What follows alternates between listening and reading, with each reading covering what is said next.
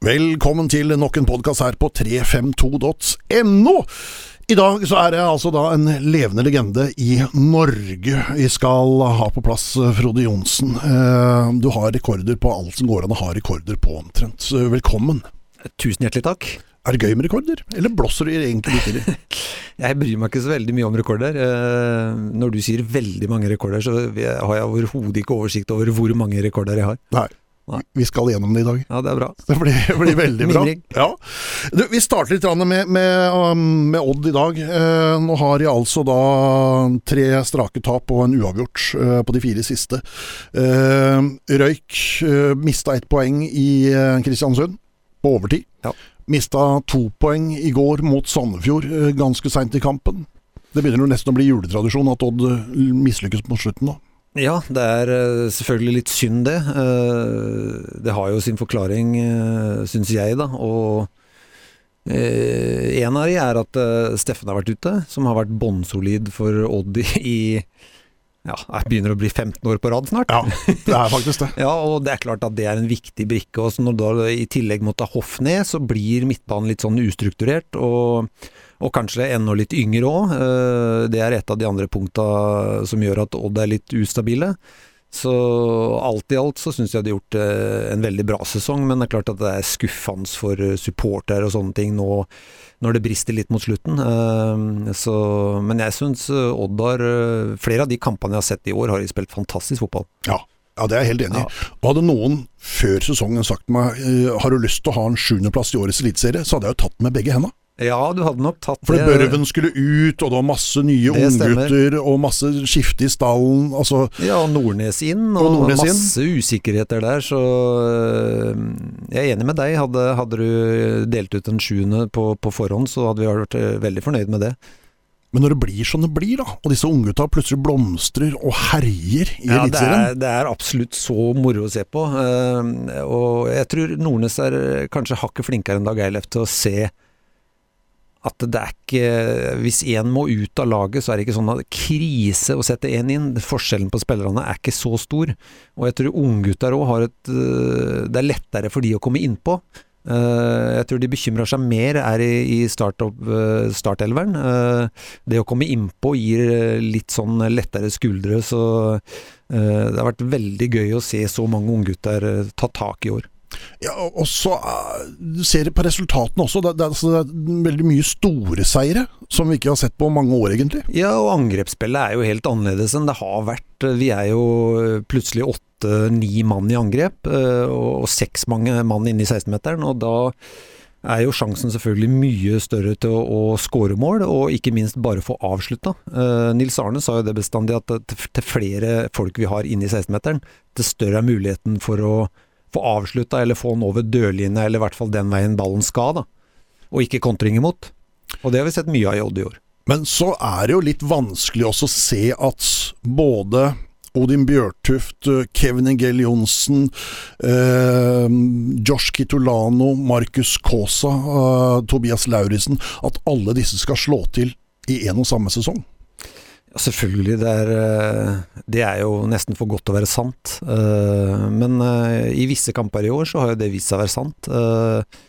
Imponerende. Og Filip Jørgensen, når han var god i sommer, så var han jo så voldsomt god. Veldig god, han har jo et voldsomt potensial. Fordelen hans er jo at han har noe du ikke kan lære, egentlig, og det er fotball, eller overblikk og fotballforståelse, som han er utrolig dyktig på. og det er Da kan du overleve, sjøl om du ikke er eh, verdens hurtigste.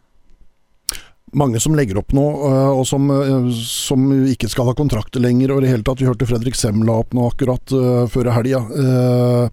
Hvordan tror du det var for Fredrik? Nei, det tror jeg ikke er noe særlig for han. Det er eh, når du må legge opp Han er jo ikke utdatert i forhold til alder. Så, Nei, 30 år, altså. Ja, når du da må, må legge opp pga. skader og, og diverse, så er det nok det en, eh, en voldsom nedtur. Det tror jeg. Mm. Ja, for det er huet. øh, Huet vil jo. Huet vil, og Fredrik har jo alltid ytt sitt beste og, og prøvd å bli bedre. Og, så det har jo ingenting med det er, Han er rett og slett vært uheldig og, og har en kropp som har vært mye skada, og da er det vanskelig å, å etablere seg skikkelig. Det er klart, sånn som sånn som uh, Steffen har vært. da. Så, sånne spillere er uvurderlige for en fotballklubb. Uh, stabilitet både på trening og i kamp. Så det er synd, synd, med Fredrik, men sånn er det. Han overlever, han. Ja. Og Odin har jo kommet inn og gjort en meget god figur, har tatt ja, noen store steg i år. På, ja, han hadde jeg faktisk på når jeg var på skolen som trener der, og øh, han har egentlig overraska meg. Da, da syns jeg han øh, så ikke ut som han likte å spille fotball, egentlig. Men han er jo litt uttrykksløs, da. Men han har imponert stort i år for en ro og og også et overblikk over spillet. Slår sjelden feilpasninger og spiller med stor eh, sjøltillit, så moro å se på. Uh, spisser har det vært mange av i Odd i år. Uh, starta med Torgeir Børven, som starta like bra som han avslutta i fjor. Ja. Han var strålende. Ja, fantastisk. Og det er egentlig laget som gjorde han god. Uh, Børven er litt sånn som meg, men kanskje selvfølgelig enda bedre Uh, til å bruke to-tre touch rundt og i 16-meteren. Jeg avslutta gjerne bare på, på ett. Men han trenger innlegg og ballen i beina for å skåre mål. han er ikke noe Han er ikke noe stordribler og, og, som Messi f.eks., og, og trenger laget for å skåre mål, og, og det fikk en Odd. Og så går han til Rosenborg. Jeg ser, så, uh, I dag har jeg gjort litt research på deg, og da fant jeg jo selvfølgelig et intervju hvor du sier at Rosenborg bør absolutt hente Børven. Han kommer til å bli mye bedre der oppe, litt sånn som jeg blei. Ja, jeg hadde jo trua på det. Eh, samtidig så, så, så, så, tenkte jeg jo på at, at uh, det er mye vanskeligere å spille på Rosenborg nå enn når jeg var der. Uh, uh, men jeg kunne jo ikke gå ut og, og, si at ikke det kom til å fungere. Jeg, jeg hadde jo trua på at det, det, kom til å fungere, men eh, jeg hadde også eh, kanskje en liten mistanke om at, eh, at Rosenborg eh, ikke spilte sånn som de har gjort. Hadde, hadde, Rosenborg vært, hadde Børven vært der når jeg var der, så hadde han skåret masse mål. Mm. Rosenborg har jo slitt i år eh, opp og ned hele tida, egentlig, og ikke, ikke, fått spillet til å sitte. Uh, og da er det vanskelig for Børven å, å lykkes der, tror jeg. Mm. Så blir Børven solgt til Rosenborg, og så kommer Tobias Lauritzen inn, og lykkes. Ja. Til de grader, mm. helt til skaden kommer da mot Ålesund. Ja. Fortell hvordan du opplevde Tobias. Nei, og Tobias har jo Eh, han er egentlig veldig lik meg, uh, bortsett fra han bør vinne mer i lufta. Ja, for Han er ikke god nok i lufta for å være så svær. og det har med timing å gjøre. Eh, jeg syns han er for tett inntil forsvar, forsvarsspillerne når innlegget kommer. Du, du, må ha rom, eller du må ha kontroll på forsvarsspilleren. Hvis, hvis du har forsvarsspilleren i ryggen, så er du egentlig ferdig.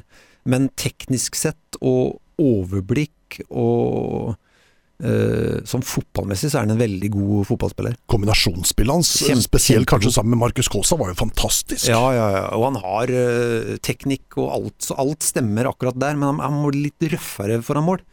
Finne en metode på å lure motstanderen og, og, og, og bruke den store kroppen han har til å få de unna når han skal avslutte. Mm. Eh, så kommer skaden selvfølgelig på Tobias. Fryktelig ubeleilig både for Odd og for Tobias. Ja, absolutt. Jeg tenkte fælt eh, på, på, Tobias da, egentlig. Det er når du liksom eh, endelig har fått sjansen og viser at du er god, og så må du rett ut på en alvorlig skade, faktisk. Så det er krise for enhver fotballspiller, men nå er han heldigvis tilbake. Ja. Og da blir det spiss nummer tre, Mushbakenga, som blir kasta inn i det her, sånn, som da ikke har vært god siden han var 19 år, egentlig. Nei, det, det, er jeg jo for så vidt enig i. Og han også har jo slitt mye med skader. Eh, det er vel eh, Jeg har ikke oversikten, men det er vel den lengste sesongen han sikkert har spilt siden han er 19. Så, eh, og du ser jo at han er en god fotballspiller. Jeg trodde ikke han ville løpe nok. I forhold til når, jeg så han i Rosenborg, så syns jeg han I dagens fotball da, så må hele laget løpe. Både hjem og, og i angrep. Så men det har han jo tatt etter resten av Odd-laget. Og kanskje en av hans største styrker nå er jo presspillet på topp? Absolutt. Han er jo blitt uh, ekstremt til å løpe og, og, bruke krefter på å presse motstanderen. Uh, noe som gir Odd selvfølgelig mange overgangsmuligheter og, og vinner ballen høyt i banen, så han har imponert. Og Så henter man altså da en svenske fra italiensk fotball, Robin Simovic. I kropp og type, litt sånn Kovac-fyr. Hva, hva tenker du om han?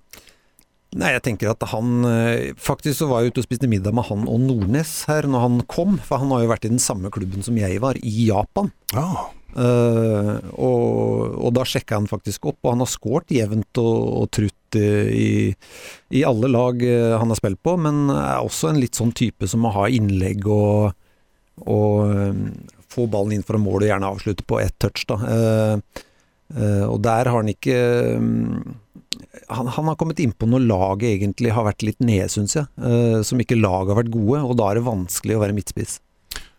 Og så mangler nå mobiliteten til f.eks. Emush Bakenga.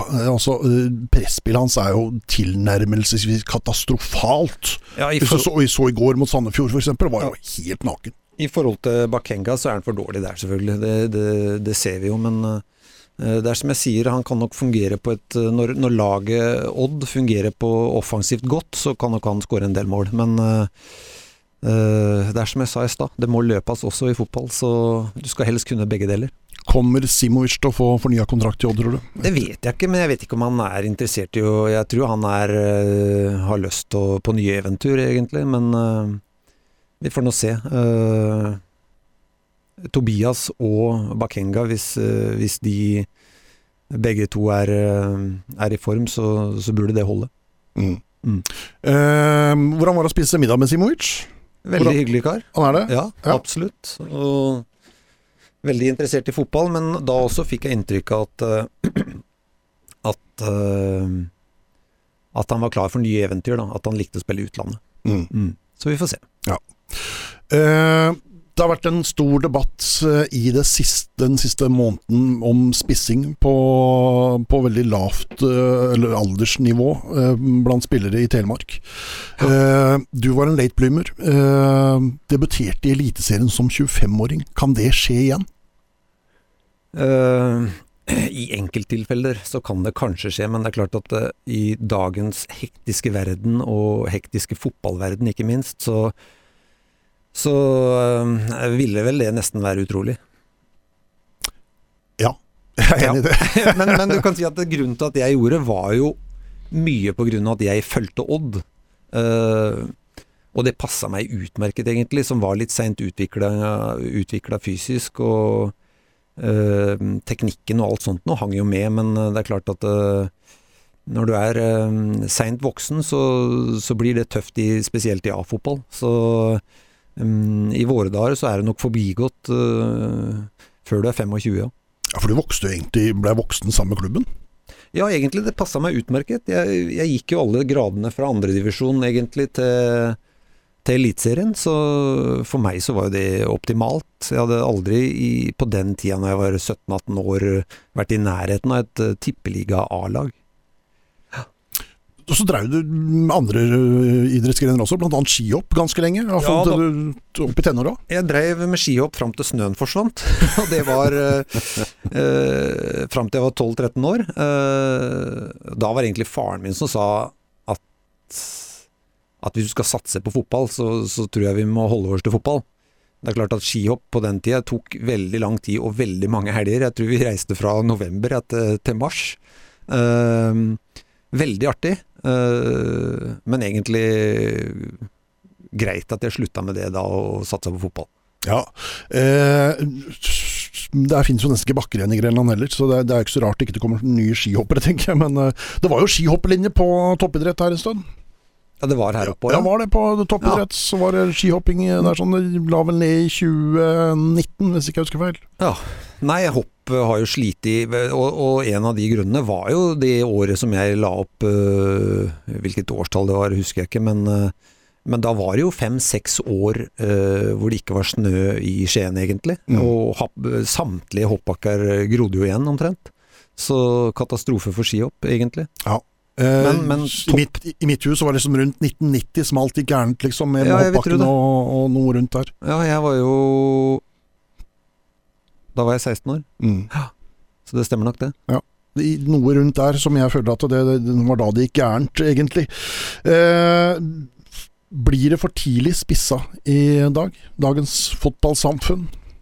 Jeg tror øh, sånn i for, for tidlig spissa det er, jo- det er jo ikke, Jeg syns ikke mange breddeklubber i Skien akkurat har for tidlig spissing. Der tror jeg samtlige får et godt tilbud. Eh, Det, det bør selvfølgelig være mer spissing i Odd, men ikke fra, tiårsalderen. Eh, De kan begynne når de er 15. Eh, Ellers så syns jeg det drives eh, Ellers så tror jeg ungene får et bra tilbud uansett om du er god eller ikke, i alle breddeklubbene. Det har jeg inntrykk av, i hvert fall. Ja. Bør Odd drive med breddeidrett? Eh, Et spørsmål som jeg har tenkt på mange ganger. Eh, Sånn som det ser ut nå, da, så er det ikke noe fordel at Odd eh, driver med breddeidrett. Vi ser klubbene rundt sliter voldsomt. Grane må legge ned tidlig, kanskje bare opp til 13-14, og og så løsner laget opp. Samme Fossum, samme Gjerpen. Eh, Så det er en sånn problemstilling som eh, egentlig både Odd og, breddeklubbene bør ta tak i så fort som mulig. Mm. Eh, 12. september 1993 på Romerike. Da debuterer Frode Johnsen for Odds A-lag. Husker du noe fra det? Mot Lillestrøm 2? Den husker jeg ikke. Husker du ikke? Nei. Nei. Det gjør jeg ikke. Det er Lars Borgar Våge som trener, selvfølgelig. Det var vel Paul Wilson fort vekk? Paul? Wilson? ja. Skal vi gå inn og dobbeltsjekke? Jeg lurer på om ikke det var Paul Wilson som hadde det laget da. Eh, Paul Wilson, ja. Stemmer det. Eh, opp på lystavla så kommer ja, Kanskje ikke lystavle på den tida der, sånn. Eh, så kom eh, Ben Roger Elvenes. Bennys eh, nummer opp. Han skulle ut, du skulle inn. Ja. 68. spilleminutt. 60. spilleminutt. Så husker ingenting. Lillestrøm 2. Jeg, jeg trodde oppriktig talt at jeg debuterte i Harstad, men eh, det er jo da feil, selvfølgelig. Det Du har er- dataen der, men Ja. jeg husker ikke om jeg skårte, eller om jeg gjorde bra, eller noe som helst. Men jeg, jeg er veldig flink, det skal sies, at jeg er veldig flink til å legge eh, kamp, både gode og dårlige kamper bak meg. Du skjønner det at den uh, Harstad Harstad, du. Der er jeg Det er, er lenge til du har spilt mot uh, Ja, er. Harstad. Fryktelig lenge der. Eh, det er jo tilbake Da er vi i 96, da, som uh, spiller mot Harstad første gangen. Lillestrøm og Ørsta var de to innhoppene du fikk i 1993.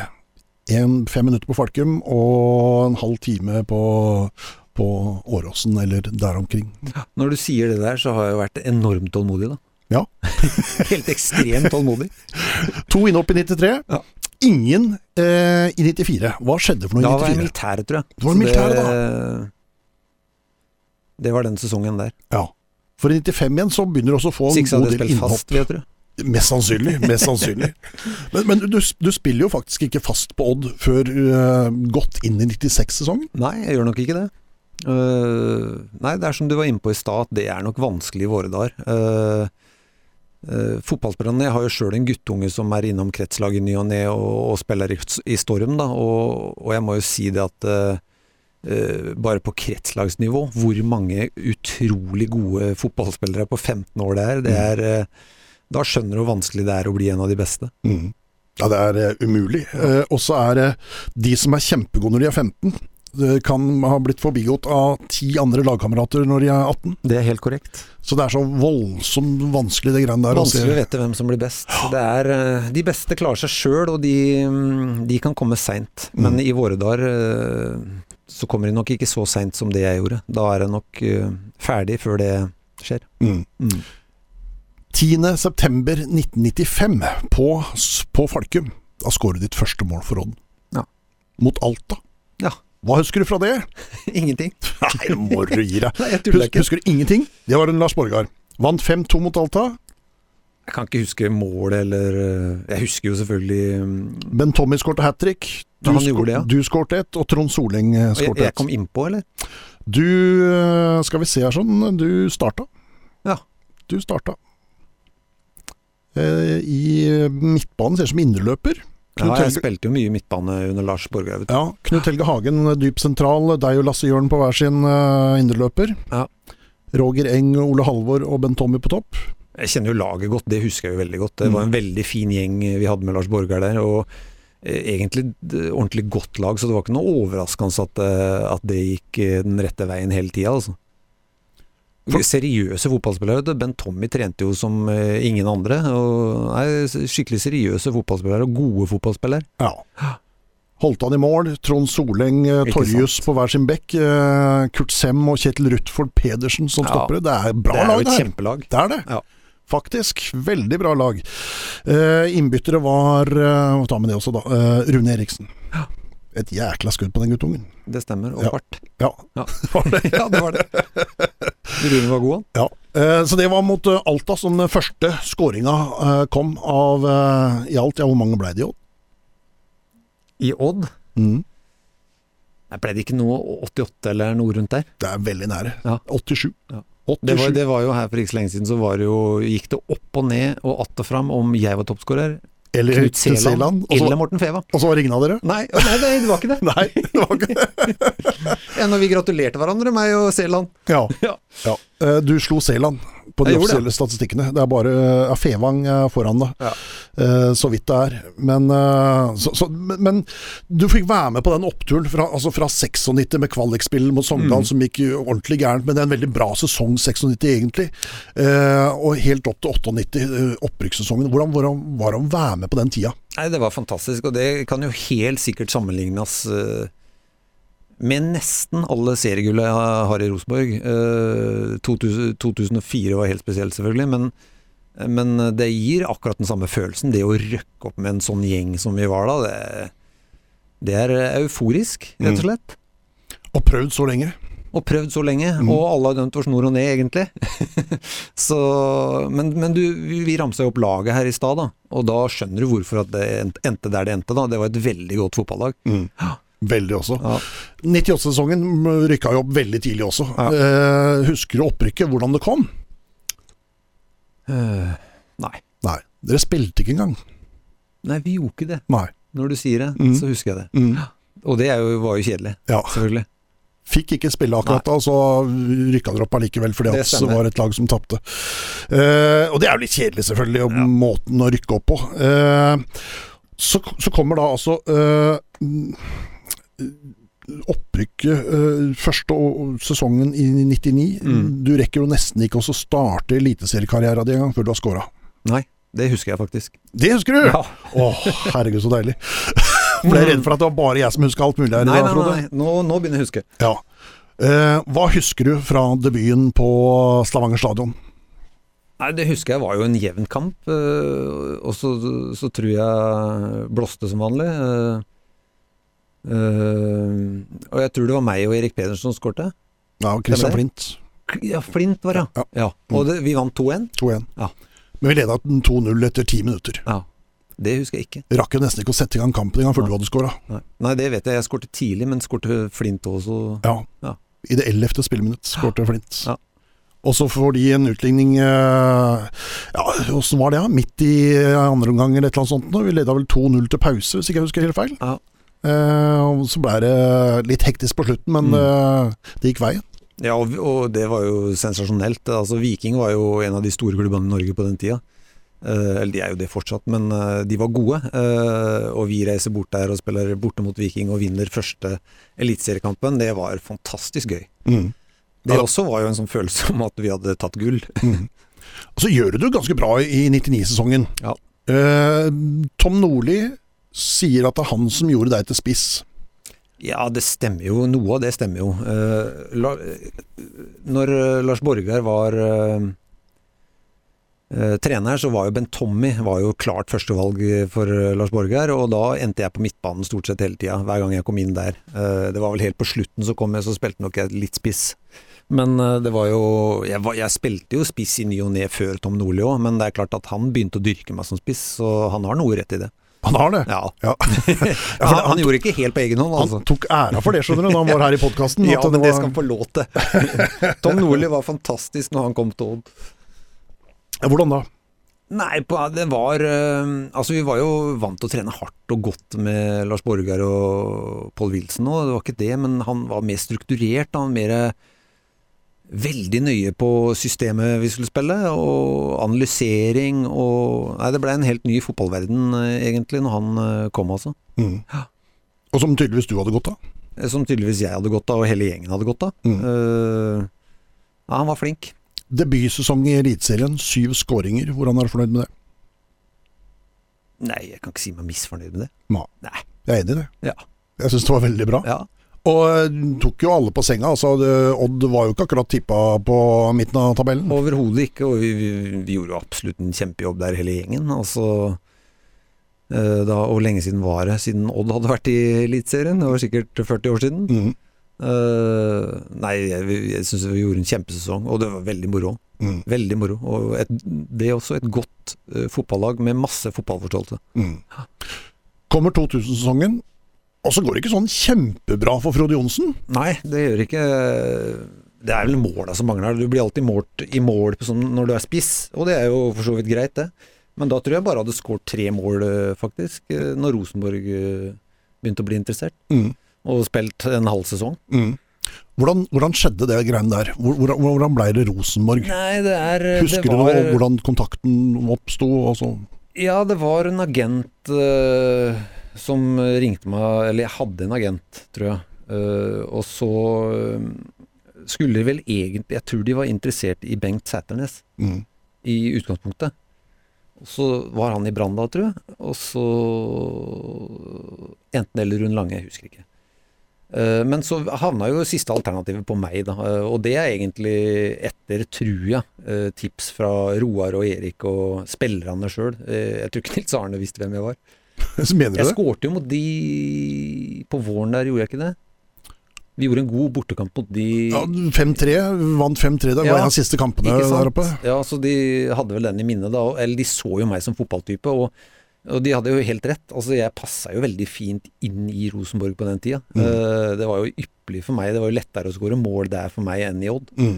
Uh, med Jan Derek og Morten Knutsen og alle de kantspillerne de hadde der. De, de serva jo meg hele tida, så det var som hånd i hanske, egentlig. Mm. Eh, kjempeovergangssum som eh, ble lagt bra også. Ja. Odd sa jo først nei. Ja, gjorde det? ja, de skulle ha mer. Så Tore var flink der. Ja. Eh, nei, det, ja, det var jo helt uvirkelig for meg, egentlig. Altså da det var jo ikke Det var jo bare tre-fire år, år før så hadde jeg vært i andredivisjon, Mm. og ikke fast på A-laget engang. Så Men sånn kan det snu. Nå er du tålmodig, så, så, så går det bra til slutt. Skandinavias store flaggskip Rosenborg legger 15 millioner kroner på bordet. Sier at vi skal ha det. Ja. Du skal erstatte John Carew, som vi akkurat har solgt for eh, 80 mill., eller hva det var for noe. Ja. Jeg, det der følte jeg ikke på noe i det hele tatt. Jeg tenkte, det eneste jeg tenkte da, var at det er jo helt ypperlig. Det, det, der passer jeg perfekt inn. Og så hvis ikke det går bra, så kan jeg bare reise hjem til Odd og, og spille der og fullføre Politihøgskolen. Mm. For jeg gikk faktisk på Politihøgskolen når, øh, når Rosenborg kjøpte meg. Ja, gjorde du det? Ja, det gjorde jeg. Jeg gikk på Politihøgskolen jeg spilte i, i Tippeligaen. Klarte du å gjøre det begge deler? Det gjorde jeg. Hvordan fikk du til treninger Nei, og jeg sånt? trente da? litt med Lyn og Vålerenga, og så var jeg hjemme to- to-tre ganger i uka. For det er fulltidsjobb det å studere på Politihøgskolen. Ja, ja, vi gikk på skolen fra halv ni til tre, vi. Fullførte du studiet? Nei, det rakk jeg ikke da jeg søkte om permisjon, øh, men da fikk jeg den geniale det geniale avslaget at jeg kunne ikke få permisjon for å spille i Rosenborg, for det hadde ingen andre fått før. Ok, Ja. ja. Se det, du. Ja, ja, Så de var litt gammeldagse på den tida.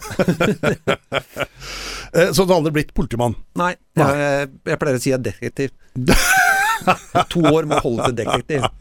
Du og Derek? Ja. Ja, det er deilig. Eh, den overgangen betydde ganske mye for din eh, barndomsklubb også, Skottfoss. ja, det gjorde den, og der var jo faktisk jeg med i forhandlingene, fordi at øh, Odd var jo vi, Jeg òg syntes jo det var veldig mye penger. Skottfoss skulle vel egentlig hatt 3,5 millioner, tror jeg.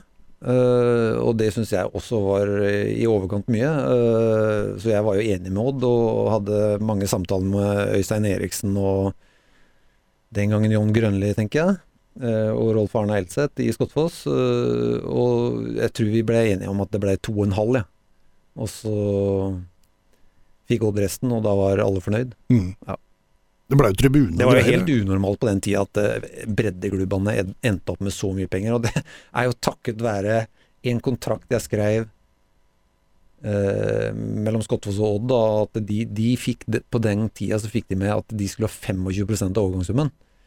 Og det er klart at da Men da snakka vi liksom overgang i tilfelle jeg skulle gå til Porsche. For da hadde det kanskje kosta 40 000, da. Så da skulle Skottfoss få 10 000. 10 000 av de. Men så blei det jo 2,5 million, så det blei jo store tall for alle, tror jeg. Så uh, jeg tror alle, alle blei enige til slutt, og jeg tror alle var fornøyd. Ja. Ja. Og det blei til og med tribune på Skottfossarret. Ja, det ble det også. Så ble det kunstgress. Mm. Ja. Herlig. Nydelig. Ja, fantastisk, rett og slett. Eh, kommer du da opp og skal erstatte Karev? Var det mye press eh, på dine skuldre når du kommer opp dit? ja, det var det jo selvfølgelig, men jeg følte jo ikke noe på det sjøl. Men alt handla jo om Karev når jeg kom, for jeg flytta inn i leiligheten hans og, og skulle jo spille i posisjonen hans, og, og fikk drakta hans. Så alle, det, det var jo med en gang det. Så ja, du skal ta over til Karev, og åssen går det, og Men som jeg sa i stad, så det, det var jeg ikke bekymra for. For jeg hadde jeg hadde planen klar hvis, hvis jeg skulle mislykkes, og jeg var ikke redd for å mislykkes heller, egentlig. Det gikk jo bra fra første sekund, egentlig. Ja, det gjorde det. Det er som jeg også sa i stad, at jeg, det var jo en gjeng som passa meg helt perfekt. da.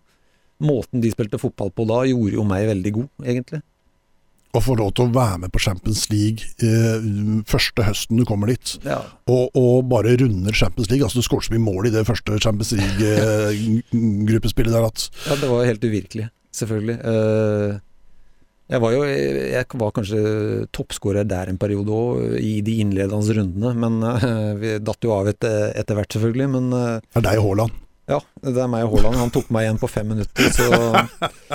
Men, men uansett, å få være med på det der, og det var jo ikke bare det året, det var jo alle åra. Mm. Eh, jeg tror det var fem av seks år, jeg. Så, som jeg, når jeg var der, så var vi med i Champions League. Og når jeg kom til Rosenborg, så trodde jeg jo at vi automatisk var i Champions League. Men sånn var det jo ikke.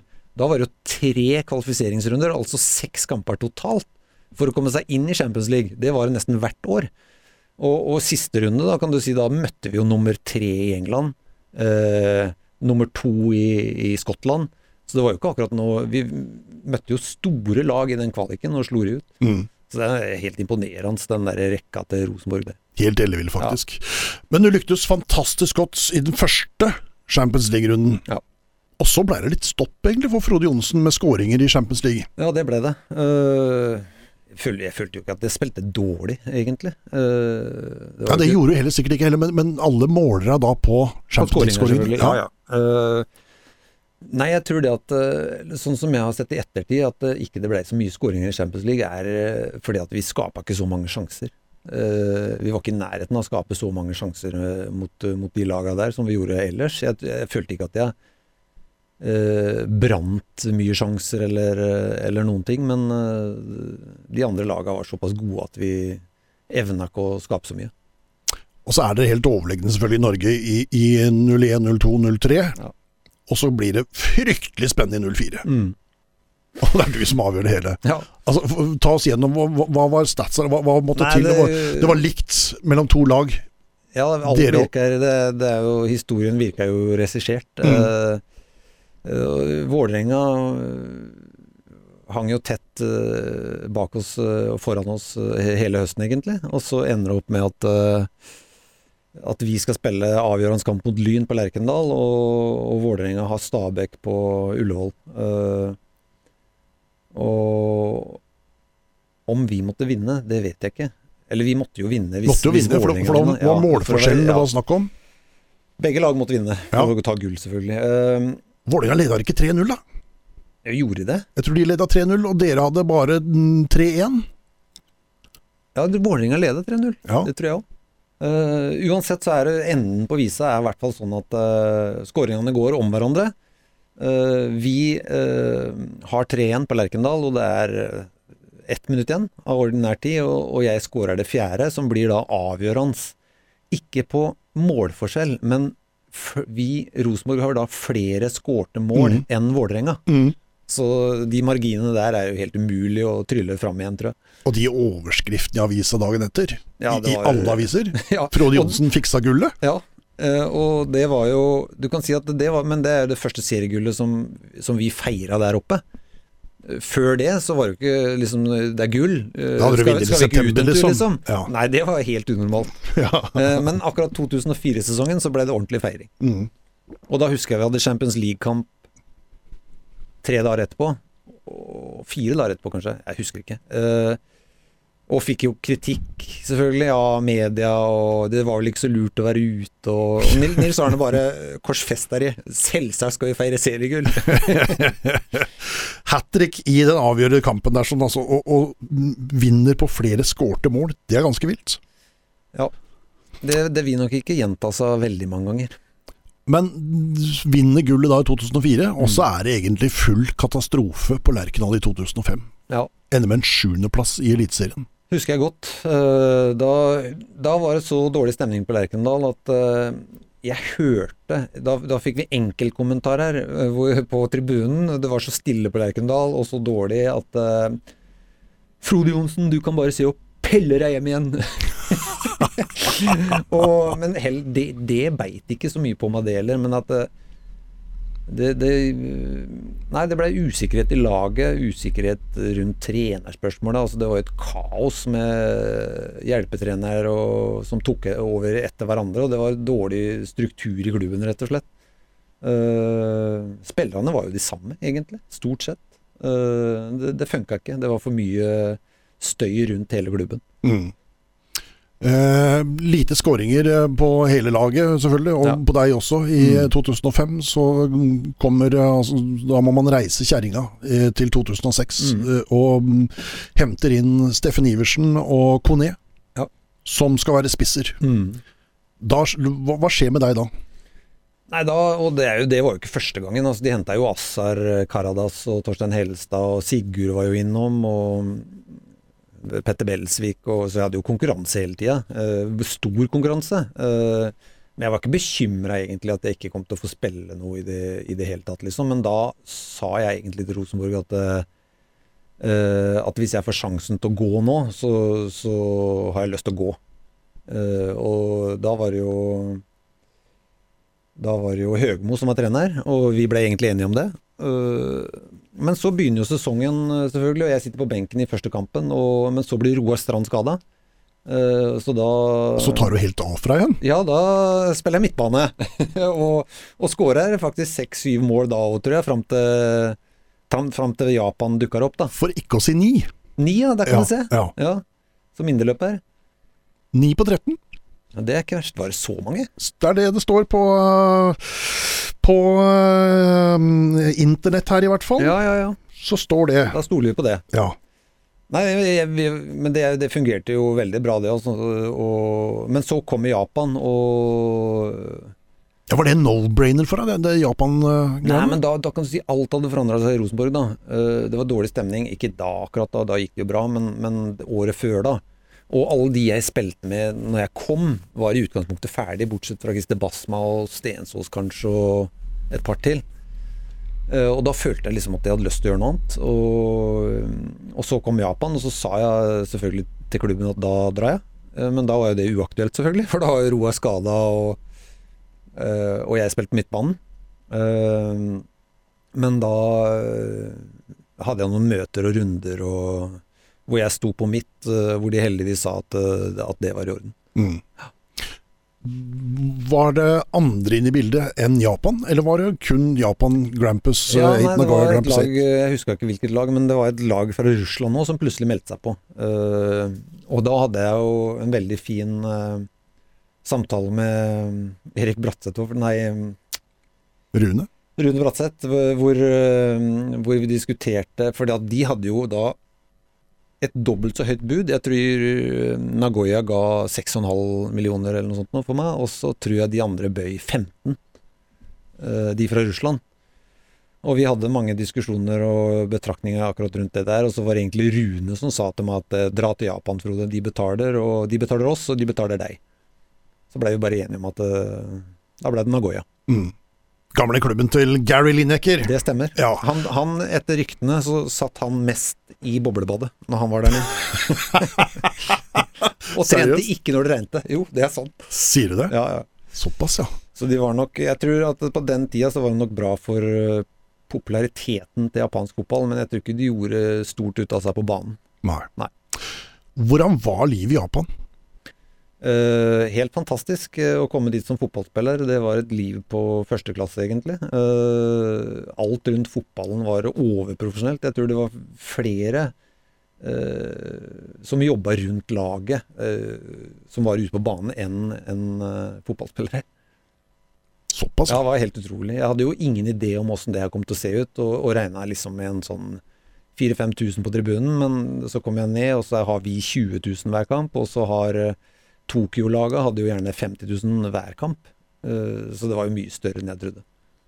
Hvordan var det sosiale livet? Altså, Nei, det er jo opp til deg sjøl, når du kommer til et land hvor de ikke prater engelsk og eh, Så det var jo bare å ta fram smilet og, og se fornøyd ut. Men jeg var jo fornøyd, så, så det var ikke noe problem med det, altså. Men uh, kommunikasjon var jo selvfølgelig vanskelig. Men uh, jeg var jo med på masse sosialt, og det går, det. Sjøl om ikke du kan kommunisere sånn helt 100 Vurderte du aldri å sette deg ned og så rett og slett ta kurs og lære litt, eller? Jo, det gjorde jeg, men eh, de Eller japanerne sa faktisk at nei, det er ikke noe vits. Eh, Du får oversetter og Ja, for du hadde en fast ansatt tolk som fløy Ja. rundt med deg hele tida. Ja, det hadde jeg faktisk. Eh, Og han var jo med på alt, egentlig.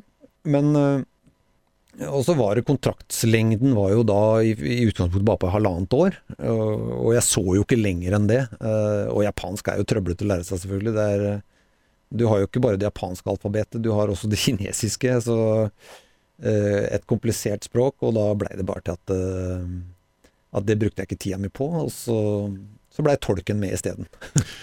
Ja, jeg har hørt et rykte, det er ikke sikkert det her er sant, men at denne tolken han måtte faktisk være litt godt trent òg, for han måtte fly ned, ned langs sidelinja under treninger og under kamper og oversette mens treneren gala ut ting til deg under kamper og, og treninger og sånn. Det er sant, det. Det er sant! Ja. Uh, ikke under seriekamper, selvfølgelig, men treningskamper og, og, på, og på trening så løper jo han gjerne opp og ned på sida. og ga meg instruksjoner om åssen jeg skulle spille. Det er helt fantastisk. Ja, det er fantastisk. Hadde du samme tolken hele tida?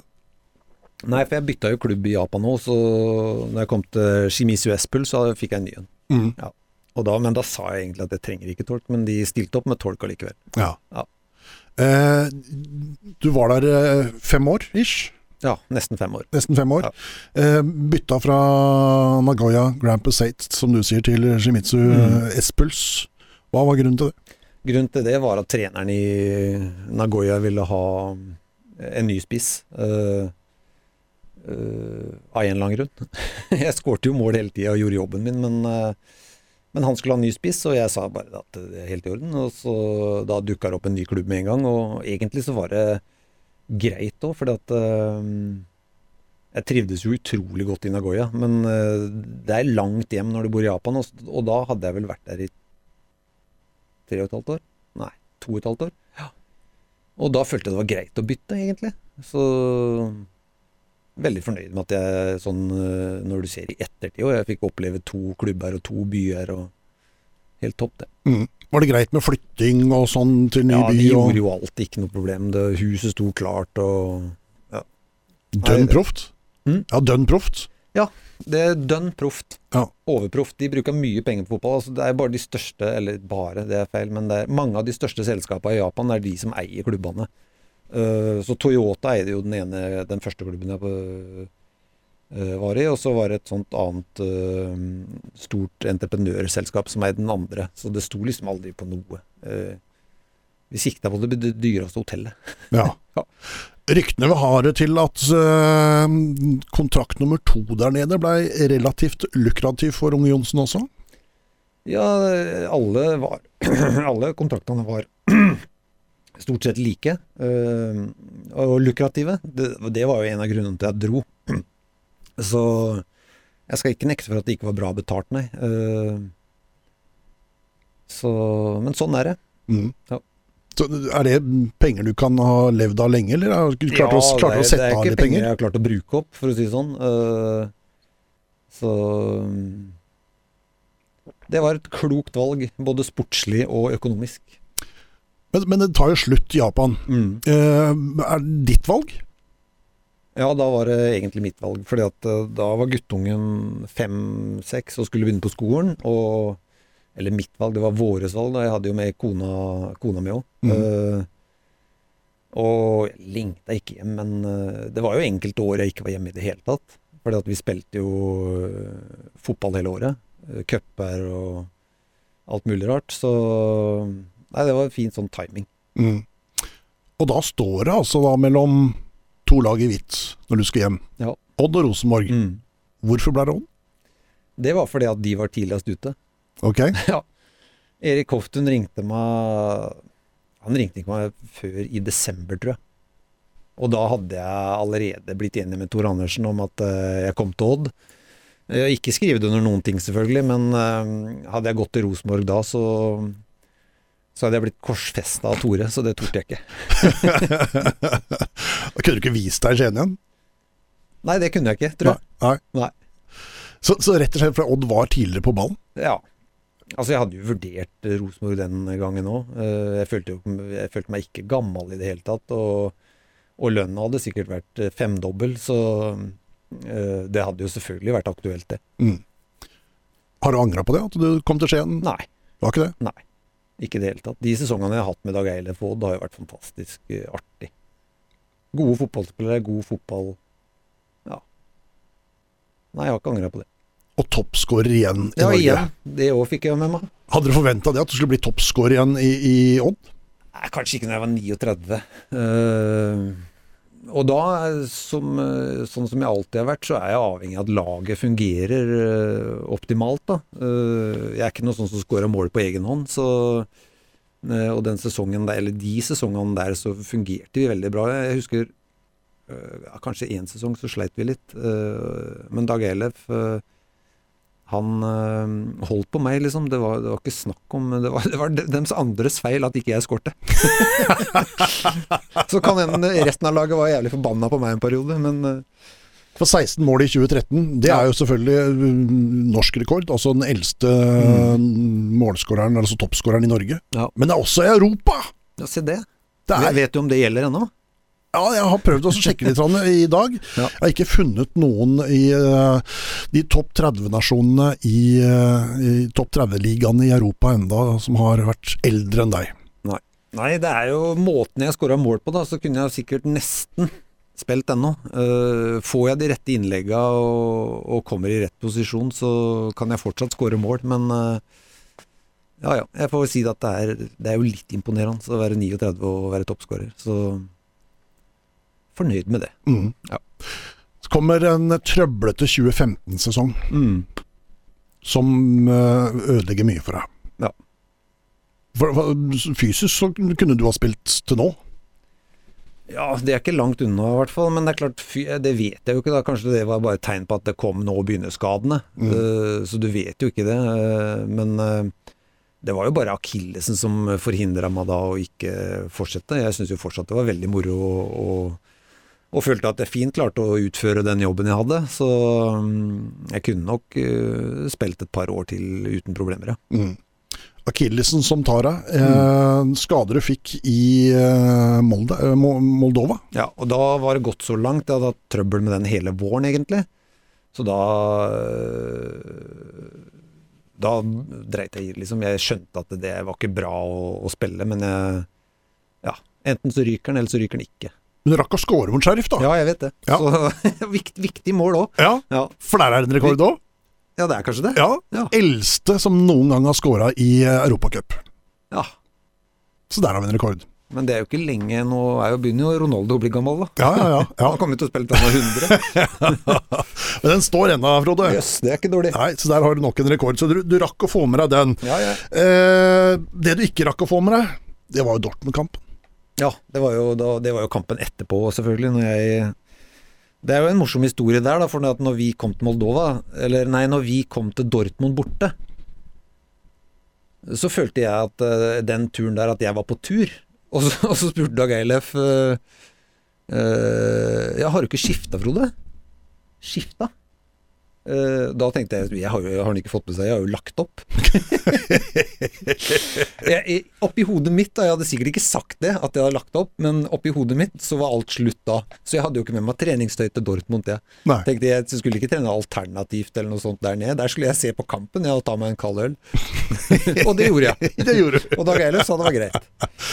For det, for det var jo et eventyr, disse Dortmund-kampene. Absolutt. Det var jo fantastisk å se på spesielt hjemmekampen, da, hvor vi leder altså noe urettferdig, men vi leder jo 3-0 der, gjorde Ja, ikke det? jo, jo. Og får et irriterende mål rett før pause, som mm. egentlig ødelegger. Da, at vi hadde vunnet den kampen, hadde vi ikke fått det baklengsmålet. Tror du det? Ja, det tror jeg. De, du, du så til og med Dortmund-spillerne var usikre. Ja. Og så fikk de det ene målet, så løfta jo laget seg med en gang og kjørte over oss, egentlig, da. Mm. Men uh, hadde de ikke fått det rett før pause, så hadde de kommet ut i andre omgangen og vært usikre. Og så tar vi ledelsen der nede også, på Ja, Vestfold Og. Ole Jørgen ja. Halvorsen. Jeg tror, ikke de, jeg tror ikke de var usikre da, når den skåringa kom. Nei, da kjørte de på videre. Ja. Eh, Da tror jeg de smilte i skjegget og, og tenkte at det var moro for dem. Ja. Og er det resultatet ble 6-1? Nei, det blei uh, Vi tapte 4-3 hjemme og 7-2 der nede. 7-2. Ja.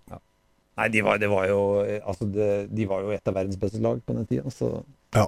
Og det er det vel nå. Så Det er nok gjorde jo en imponerende hjemmekamp. Det- Men det var fantastisk å få lov til å oppleve det hele. Eh, vi skal snakke litt om landslaget, Frode. Ja.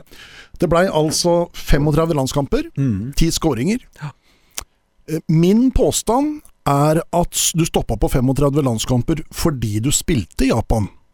Ja, det er nok uh, mye sant i det. Uh, jeg var jo hjemme et par ganger, men eh, Men øh, jeg blei nok litt for langt borte da. Det var vel Åge som var trener, i hvert fall i starten der, øh, på landslaget. Eh, og, men det er klart, når du bor i ja, det blir veldig tungvint. Døgnet er stikk motsatt, og ingenting stemmer. Så det skjønte jeg egentlig når jeg dro til Japan. Jeg gjorde det. Var Ja. kalkulert. Ja, det var i hvert fall en viss risiko for at det kom til å skje. Ja. Ja. For det, for det er eh, Du hadde det mye gøy med landslaget òg? Absolutt. eh, Jeg hadde det kjempegøy. Altså, det var jo ikke mine drømmer engang når jeg var 20 år at jeg skulle spille på landslaget. Nei.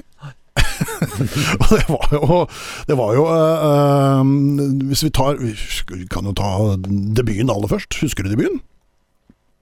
Borte mot Finland. Borte mot Finland, helt riktig. Husker du ja, fra kampen? Jari Littmann var helt fantastisk. Han var helt enorm! Han vant alene. Han var så god i den Jeg kampen! vet det. Skårte tre og la til siste. gjorde Ja, han ikke det? ja. Han var så god den kampen det var helt helt sjukt. Og da, det var jo den berømte Ja.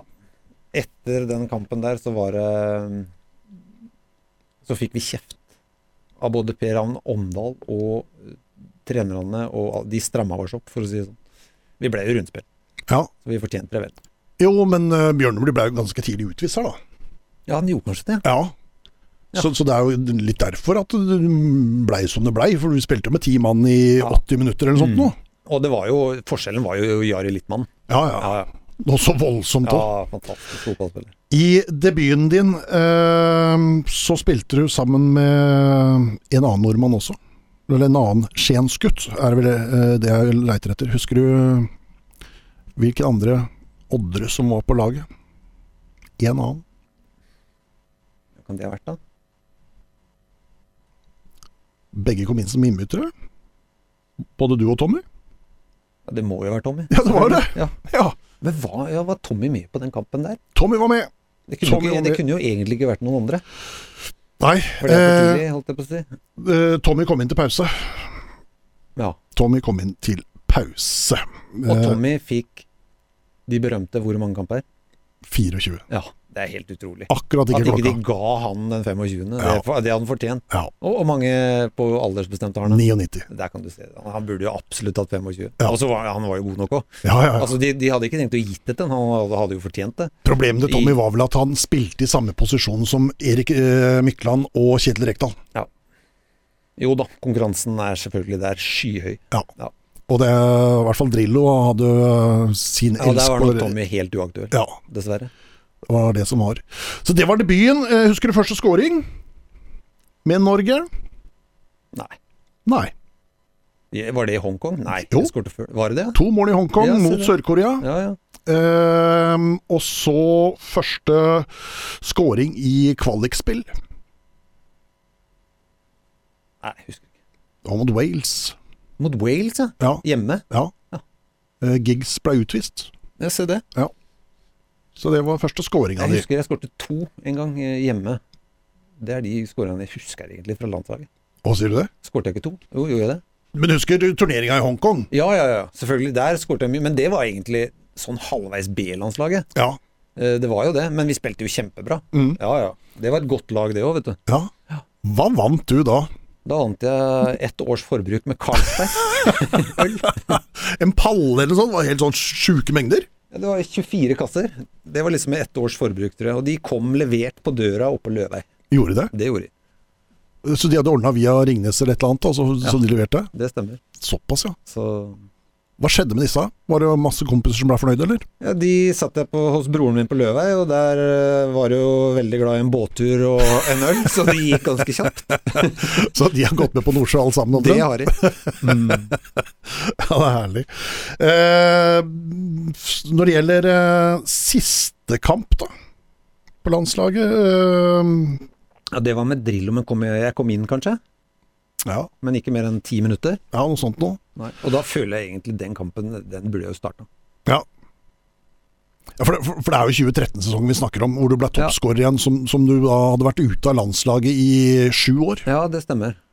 Men Så plutselig da kommer- kommer sånn som vi spilte på Eller da, da, under den kampen, så burde jeg jo starta. Jeg tror det var King som starta, kanskje?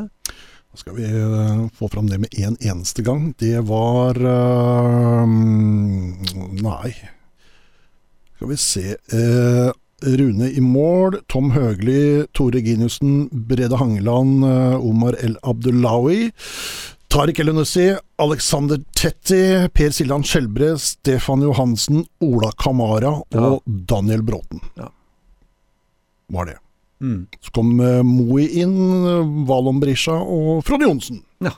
kom inn i den kampen. ja. Nei, jeg var fortsatt god på den tida, og egentlig følte jeg at eh, Sånn som, i hvert fall sånn som landslaget spilte den kampen, så hadde jeg hatt mer på banen der å gjøre enn en ganske mange andre, men det, det var jo ikke noe krise, det. Nei. Nei.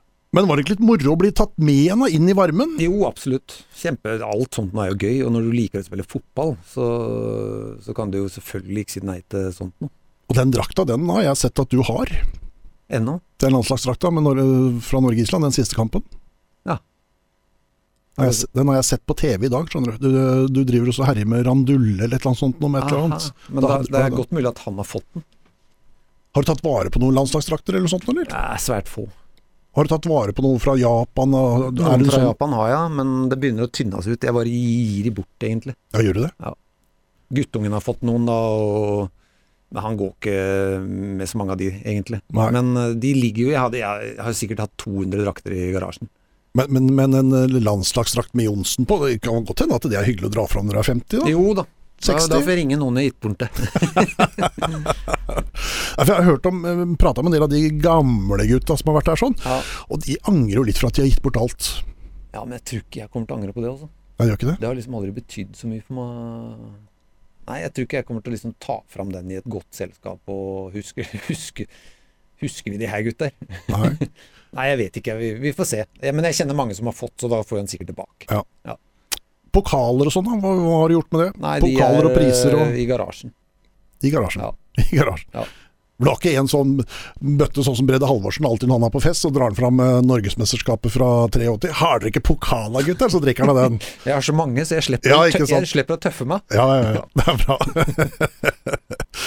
Den siste landskampen inn mot Island eh, ble jo rekord, det også. 39 år, 6 måneder og 28 dager. Eh, Norges eldste landslagsspiller gjennom tidene. Mm. Så der har vi enda en rekord. Ja, ja, ja, ja. Guinness rekordbok. Ja, det var nesten bare Fevang som holdt på å slå deg, men han uh, klarte ikke det, han Ja. heller. Han også var gammel. Han var den eldste debutanten noen gang på landslag. Ja. Så han har rekord, han også. Eh, jeg har fått inn en del spørsmål på Twitter, Frode. Ja. Eh, som jeg har lyst til å spørre deg. Jeg har sagt ifra der tidligere i dag at det, du kommer. Mm. Eh, så jeg har fått inn litt spørsmål her. Eh, Hogne Larsen skriver 'Når kommer comebacket?' Ja, det er for seint, rett og slett. Det er for seint. Ja, det er for seint. Ja. Eh, også en ganske dyp en her, da, fra Jan Erik Lågeasken, som skriver eh, om du har noen tanker om hvordan Odd kan dyrke en sterkere vinnerkultur? Jeg tror nok eh, Jeg tror ikke det er der det ligger. Eh, alle som driver med toppfotball, har eh, vinnerkultur. Det er vanskelig å Du ser jo Bodø-Glimt har klart det nå, da. Men det er jo 99% sikkert så blir ikke det langvarig. Så du kan få noen sånne topper og sånt nå, men øh, Odd dyrka jo toppidrett og sånt nå, men det er en, det er en liten klubb i sponsorsammenheng og øh, sånn uh... Det er ikke helt sant, Frode. Nei, jeg altså, har, hørt altså, rykter, jeg har hørt rykter om det òg. altså, Da har man, vi for store utgifter på stadion, da. ja, for, for at inntektsmessig uh, så er man altså det femte største laget i Norge. Og da er man ikke liten lenger. Nei, det er Eller var det, eller var det sjette nå? Det er bra. Så da, Men- men, da kan vi si at det grunnlaget er der, da. Mm. Uh, men, uh, men sånn i forhold til at eh, eh, Vinnerkulturen har jo vært der, men eh, jeg vet ikke. Kanskje den var større. Kanskje den var større når vi gikk opp, da. Men da var vi mer samla. nå. Det er så vanskelig å få til en sånn kultur i våre dager hvor alle har lyst til å bli proff. Altså, du kan si akkurat det samme om Rosenborg. fordi at eh, for det, der også kan du peke på hvor er vinnerkulturen, liksom. Men den, den blir litt viska ut i våre dager øh, når alle alle spillerne øh, går etter økonomisk vinning. Da, Eh, da er det vanskelig Mm. å, å beholde de. De kan sitte ut kontrakten og gå gratis, og, og det gjør jo de fleste hvis de får sjans, og får kanskje bedre betalt andre steder. Uh, så Men- er, Men hva hva skal til da for at man ikke skal uh, kollapse uh, i hermetegn høsten 2021? Jeg tror ikke det blir noe kollaps, egentlig. Jeg tror det, det, Hvis de bygger på det de har nå, og, og de må kanskje inn og hente noen rutinerte spillere, men, men jeg, jeg føler jo at uh, ungguttene, mange av de ungguttene er jo klare til å ta posisjonen sin. Så jeg er ikke sånn overbekymra for det. Ehm, og så er det um, Jonathan Philip som spør her ehm, Hvilke er de beste spillerne du har spilt med? Nei, Det er nok Bent Skammelsrud og Ørjan Berg og Erik Hoftun, kanskje. Mm. Og det på den tida, da altså, Ingen av de Det største forsen deres, det er fotballforståelse, egentlig. Det å ha kontroll på ballen og motstanderen og seg sjøl og Mister nesten aldri ballen. Vet alltid hvor den skal hen. Og en ekstrem fordel å ha som fotballspiller. Mm. Ja, Mm. Så Skammelsrud, Berg og Hoftun. Ja. Da har du fått svar på det, Jonathan. Ehm, I 2017 så var du spisstrener for Odd. Mm. Uh, da hadde jeg gleden av å sitte og se på en del av de treningene ganske ofte, for jeg jobba der på jeg også. Uh, du scora på absolutt alle mulige sjanser som du fikk Mm. uh, i løpet av de spisstreningene, mens spissene som var i Odda, de gjorde ikke det. Nei. Hva er årsaken Det til at er øh, enkelt og greit repetisjon. mm. Det begynte jeg med når jeg var tolv, tenker jeg.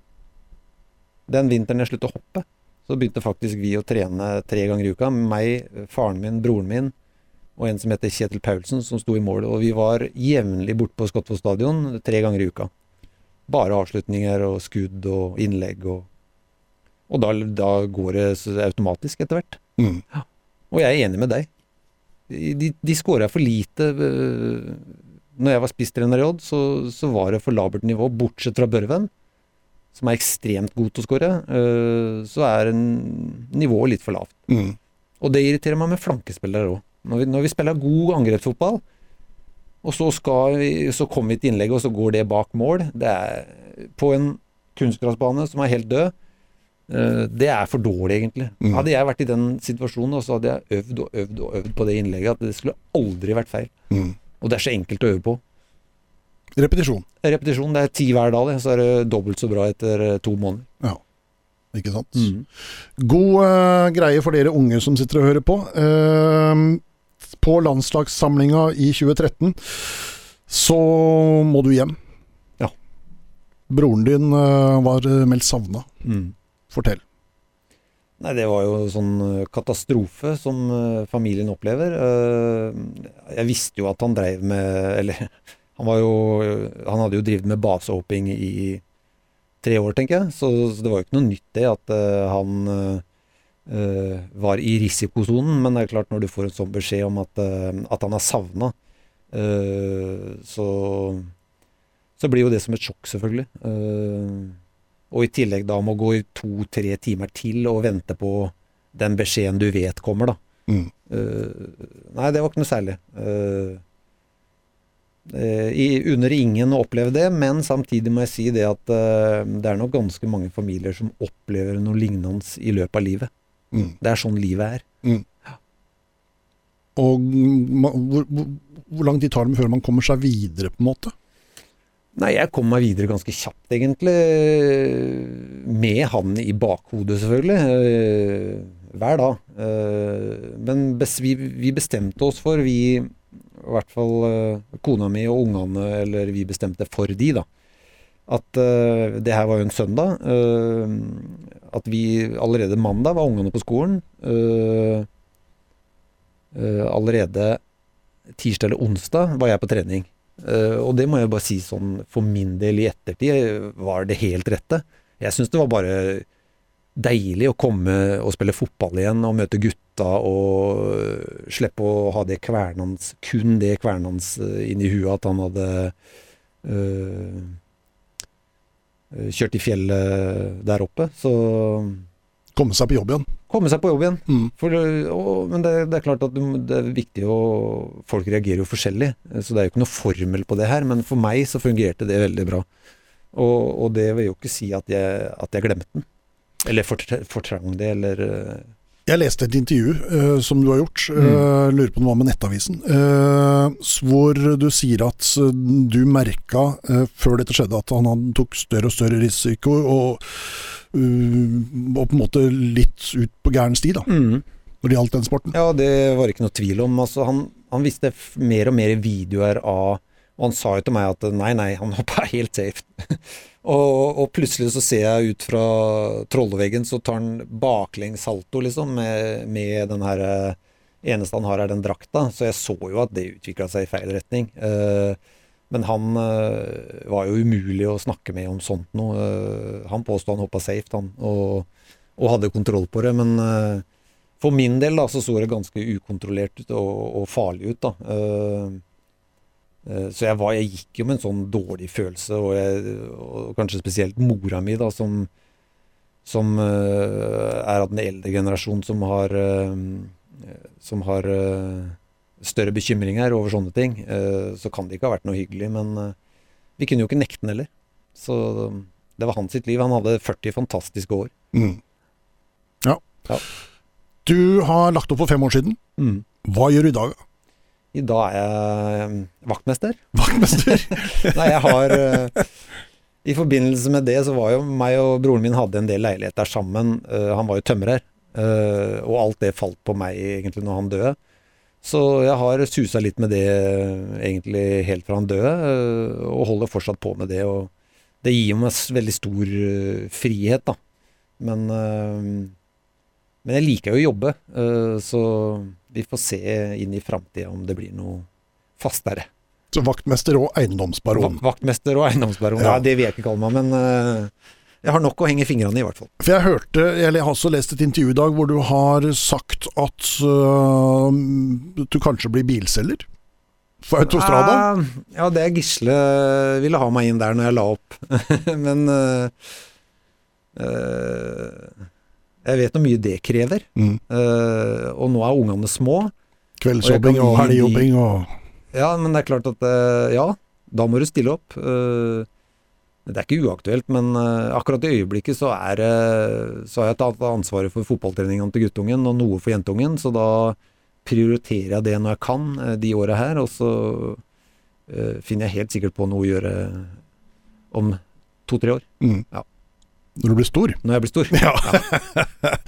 Ehm, det er eh, siste spørsmålet jeg egentlig har. Hva, hva- sitter du igjen med etter eh, den kjempelange karrieren? Jeg sitter igjen med bare positive ting. Eh, rundt fotballen så kan jeg ikke komme på noe negativt. Det at vi blir skjelt ut på Lerkendal en sesong og, og sånne fartsdumpler som det, det, det, må du bare tåle. Mm. Uh, fotballen har vært kjempepositiv i forhold til uh, opplevelser, kameratskap og, og, alt som er. Så, og jeg, sånn i ettertid så det er jo, Jeg kunne jo gått til andre klubber og uh, Men jeg angrer ikke på noe, egentlig. veldig fornøyd med alle de valgene jeg har tatt. Så bra. Ja. Vi får um, krøsse fingrene for at du finner ut hva du skal bli når du blir stor, Frode. Ja. skal hjem og tenke. ja. eh, 70 minutter i gode venners lag, det går styggfort, og nå er det søren meg gjort allerede. Ja, det kan du se. Tusen takk for at du stilte opp. I like måte. På torsdag, da skal jeg ha han som leder over i antall skåringer her i studio, nemlig Morten Fevang. Det blir hyggelig. Så når uh, vi går av luft her, så får du komme med noen gode historier så jeg kan uh, ta for Morten. Det er ikke vanskelig. Det er ikke vanskelig, nei. takk, takk skal du ha, og takk for i dag.